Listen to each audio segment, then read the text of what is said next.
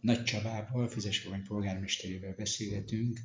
Az elmúlt időszakban elég sok minden történt itt a városban, járásközpont, és ami valamikori megfogalmazott célja volt, hogy kezdjen járásközpontként is kinézni, ez egyre inkább megtörténik, nemrég egy hatalmas projektet is avathattak. Az a kérdésem, hogy hogyan telnek most a hetek, hónapok, mik voltak azok a legnagyobb előrelépések, amire joga lehet büszke a város, meg az önkormányzat, illetve milyen további tervek vannak. 2014-ben, amikor megválasztottak, célként tűztünk ki, addig mindenki elmondta, hogy fizesen, hogy milyen jó helyzetben van, hiszen közlekedési csomópont jók az adottságai, de ezeket senki nem használta ki. Ez volt a egyik nagy probléma, és ezért egyik célunk, legnagyobb célunk az volt, hogy ipari parkot hozunk létre, vonzóvá vegyük, tegyük a települést a vállalkozásoknak. A másik, hogy itt már a környezetünkben szinte mindenhol megújultak a városközpontok, már még a legkisebb faluba is, azért valahogy Fizesvony mindig kimaradt. Úgyhogy mi is szerettünk volna egy városhoz, egy járási központhoz méltó központot létrehozni, és ez került szintén fő célként megfogalmazásra, és örömmel mondhatom, hogy ezt a két célt teljesítettük is, hiszen a város központunk elkészült, ez közel 2,2 milliárdos beruházás volt. Ez három fő területet érintett. Egyik a város utcájának nevezett Rákóczi utca, ahol parkolók, zöld felületek, közterek létesültek. Másik nagyon fontos terület volt a piac, amely szintén nem felelt meg a kor követelményeinek. Itt is parkolókat, fedett, félig fedett elárusító helyeket hoztunk létre, illetve megreformáltuk a közlekedést a piac környékén, valamint a harmadik pedig a busz megálló környéke, ahol szintén sáv, ott vettünk el, mert eddig három sávos volt a busz megálló, két sávra szűkítettük, illetve létrehoztunk egy olyan helyet, ahol eső esetén be tudnak lenni, illetve mosdók vannak. Tehát ez elkészült, úgyhogy megvalósult. Az ipari parknál ott egy, volt már az önkormányzatnak hat közel egy hektáros telke, amely már termelésből ki volt véve. Mi erre tettük rá a pályázatainkat, ami azt jelentette, hogy ezeket közművesítettük, ide csináltunk megfelelő utat, bevezettük a villanyt, a közvilágítást, valamint a természetesen víz-gáz. Ennek az lett az eredménye, hogy az itt lévő hattáket mindegyikét megvették, amelyből három vállalkozás számára akart itt letelepedni. Végül is ebből kettő jött ide, egyik a Tobrokó, aki Egerből jött ide és építette fel a csarnokát, és már megkezdte a tevékenységét, és egy másik nagyobb vállalkozás is kijött, akinek két telke van, ő pedig ilyen logisztikai központot akar létrehozni, amely még folyamatban van. A harmadik vállalkozás is elkezdte a, a csarnoknak az építését, de ő pályázati pénzből szerette ezt, volna szerette megvalósítani, de valami szabálytalansági eljárást indítottak ellene, és ez a pályázat meghísült. Ez a telket úgy tudom, hogy ők árulják. Azonban mm, mégis azt mondom, hogy ez sikeres volt ez a pályázat, hiszen két komoly cég megtelepedett, és vannak további érdeklődők. Gondolom, hogy ez munkahelyteremtés szempontjából is jelentős. Munkahelyteremtés szempontjából is, az óbevételek szempontjából is teljesen jelentős. Igaz, azt elmondhatom, hogy uh, itt munkaerő hiány van, hiszen itt több olyan nagy cég van, nem csak Füzesavonyban, hanem Makláron is vannak olyan nagy cégek, akik jelentős munkaerőt vesznek föl, tehát itt uh, néha problémát is okoz, hogy nincs megfelelő munkaerő. További cél volt még, hát minden településen a utak a legfontosabbak, ott vannak a prioritásban az első helyen, úgyhogy itt is Füzesavonyban voltak már olyan utak, amelyeket már 30 éve nem újítottak föl, és igen, nagy, nagyon rossz állapotban voltak, úgyhogy itt is kaptunk kormányzati támogatást 900 millió forintot, ebből 56 utat újítottunk fel, amely azt jelentette, hogy már a település 80%-ánál az útjai rendben vannak. Ez mellett belekezdtünk egy bölcsőre, három szobás bölcsőre építésébe is. Ez még folyamatban van, úgyhogy de ezt is szeretnénk befejezni augusztus végéig, ami azt jelenti, mert, mert itt beszélek arról, hogy a település két részre van osztva. A északi városrészen lévő bölcsödénk kijön az óvoda mellől, ami jó is, mert szerencsére annyi gyerekünk van már ott, hogy ott szükség van az óvodában, ami most a óvoda bölcsöde együtt van, szükség van csoportszobára, tehát ott tudunk nyitni egy új csoportszobát, ezzel megoldjuk az óvoda problémáját, illetve lesz egy teljesen új háromszobás, csoportszobás bölcsöde. Bocsánat, hogy közben említette, hogy északi városrész a köznyelvben úgy ismert, hogy telepi meg falusi rész. Ez, hogy, hogyan ez, mert sokan keverik, tehát hogy mitől telepi és mitől városi, falusi rész, és az északi városrész melyiket jelenti?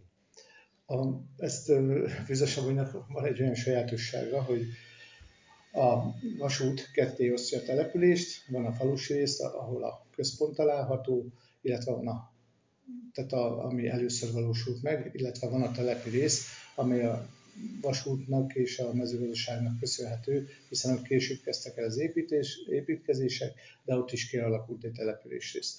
És szerintem ez az ország egyetlen olyan települése, ahol ki kell menni a egyik városrészből, hogy a másik, tehát külterületre, hogy a másik városrészre átjussunk, mert belterületen nincs csak egy gyalogos és kerékpáros forgalomra alkalmas aluljáró, tehát úgy közelíthető meg ez a két településrész. Ez azt is okozza, hogy itt szinte mindenből kettő kell, hiszen kettő iskolánk van, kettő óvodánk, kettő bölcsödénk, mert azért a két, tehát ezek között az intézmények között, meg a két város rész között azért vannak nagy távolságok, úgyhogy ezt jelenti ez. Igen.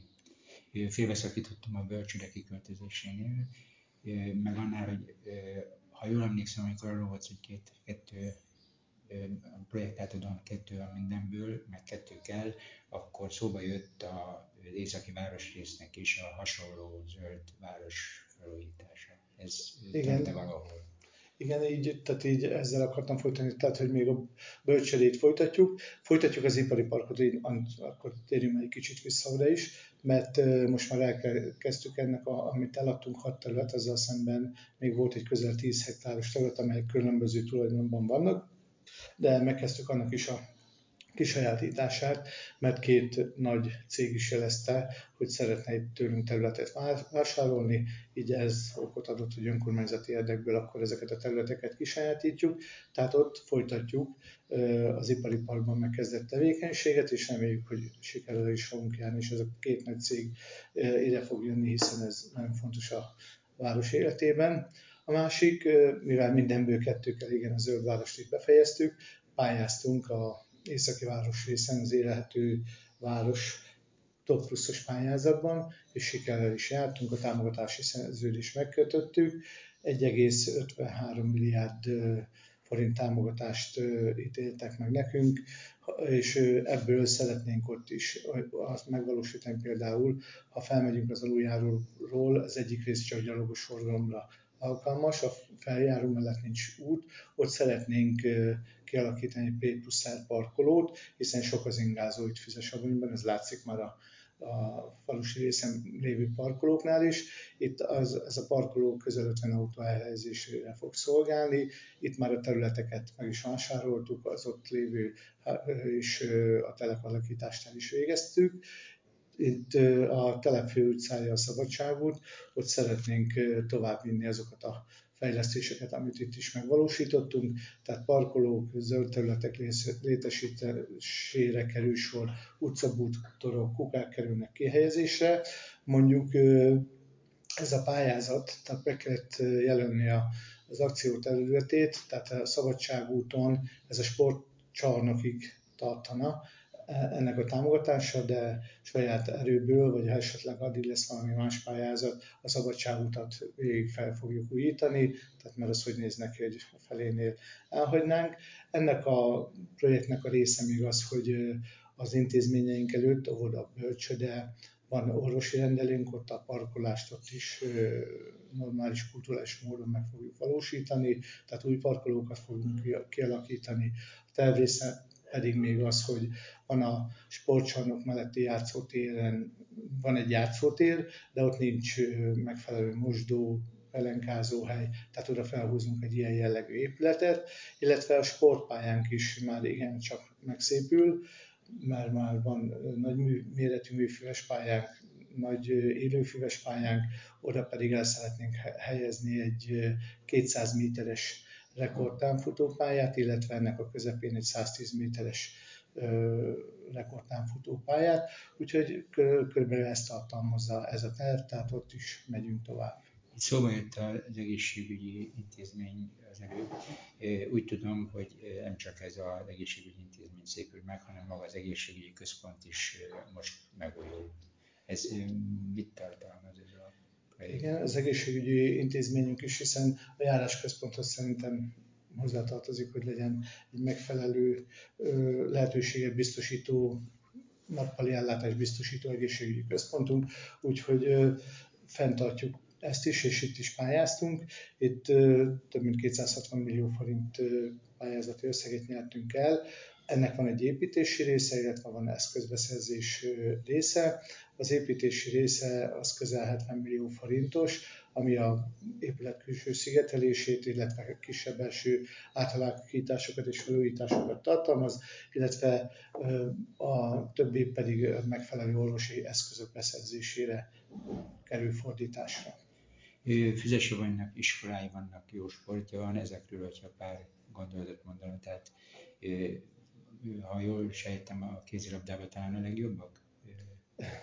Hát nem is ez számít, hogy a legjobbak a sportnak, igen, nagy, hagyomány, igen nagy, nagy hagyományai vannak. Hát van a, a, a tehát menjünk végig akkor a szakosztályainkon. Van, ami tényleg a legeredményesebb, az a kézilabda szakosztály volt. Itt mi és minden szakosztályunknak azt fogalmaztuk meg célni, hogy minél több gyereknek biztosítsunk lehetőséget, minél több fizesabban és könnyékbeli gyermek jöjjön hozzánk és sportoljon olyan körülmények között, amely megfelelő. Így nekünk van egy nagyon jó csarnokunk, és arra építettük fel ezt az utánpótlást, illetve a felnőtt csapatainkat. Hát igen, ahhoz, hogy a utánpótlás vonzó legyen, a felnőtt csapatoknak sikeresnek kell lenni. Mind a két kézilabda csapatunk a MB2-ben, ami a országos bajnokság harmadosztálya szerepel, és elég jó eredményeket, szép eredményeket érnek el, a lányok másodikok lettek, a a fiúk most ők a középmezőnyben végeztek, de mindig változik ez is, és ezt úgy érjük el, hogy túlnyomó részt Füzesavonyi és környékbeli fiatalok szerepelnek a csapatban. Emellett van 14 utánpótlás kézilabda csapatunk, amely nagyon jó, de egyben rossz is, hiszen ezt a csarnokot már kinőttük. Sőt, most volt egy olyan problémánk, mert a csarnok felújítás alatt el 300 millió forintot a Magyar Kézilabda Szövetség felújítási programjában kapott. Ez azt jelentette, hogy ott tetőhelyezett csere történt, a fűtési rendszert korszerűsítették, és volt egy bázásunk így a parketta is felújításra, meg a belső csarnok részfestésre került, de ez eltartott egy évig, így a környékbe kellett hordani, környékbeli csarnokokat kellett bérelni, de megoldottuk, túl vagyunk ezen a problémán, és megyünk tovább. A labdarúgás, igen, rosszul szerepelt a megyei első osztályban, évekig vegetáltunk, talán tíz évig is.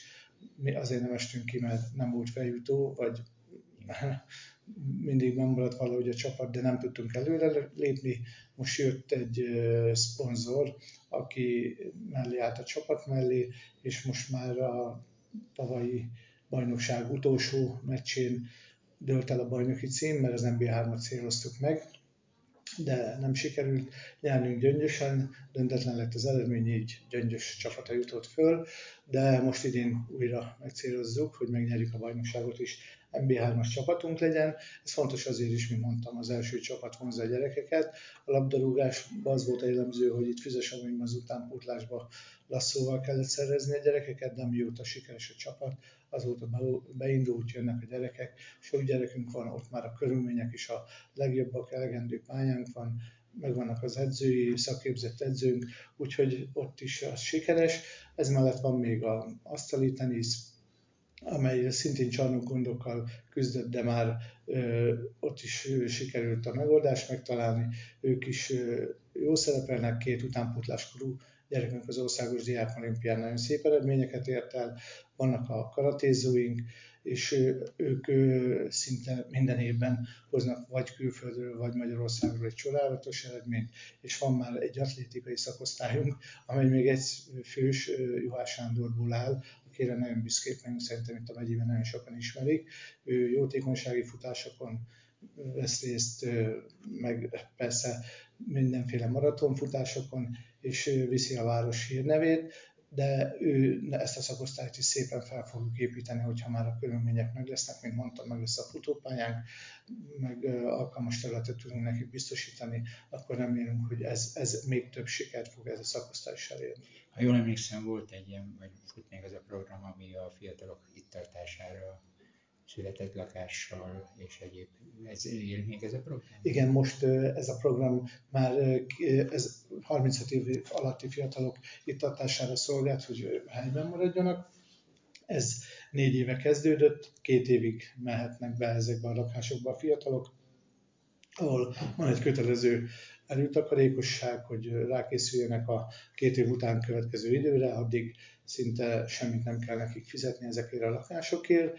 Most már a harmadik ciklust éljük, tehát pont most volt a testületülésünkön döntés, hogy augusztus 1-től kik fognak beköltözni, úgyhogy kiadtuk ezeket a lakásokat is, beköltöznek. Ez az utolsó ciklus után, ha ez a két év letelik, akkor majd az önkormányzat eldönti, hogy mit csinál ezekkel a lakásokkal, értékesíti, vagy viszi tovább a programot. Vagyis egyre több területen egyre jobb élni Füzesabban. Ez volt a cél, és reméljük, hogy ez Igen, így is lesz. Ezzel zárnánk. Köszönöm szépen a beszélgetést. köszönöm.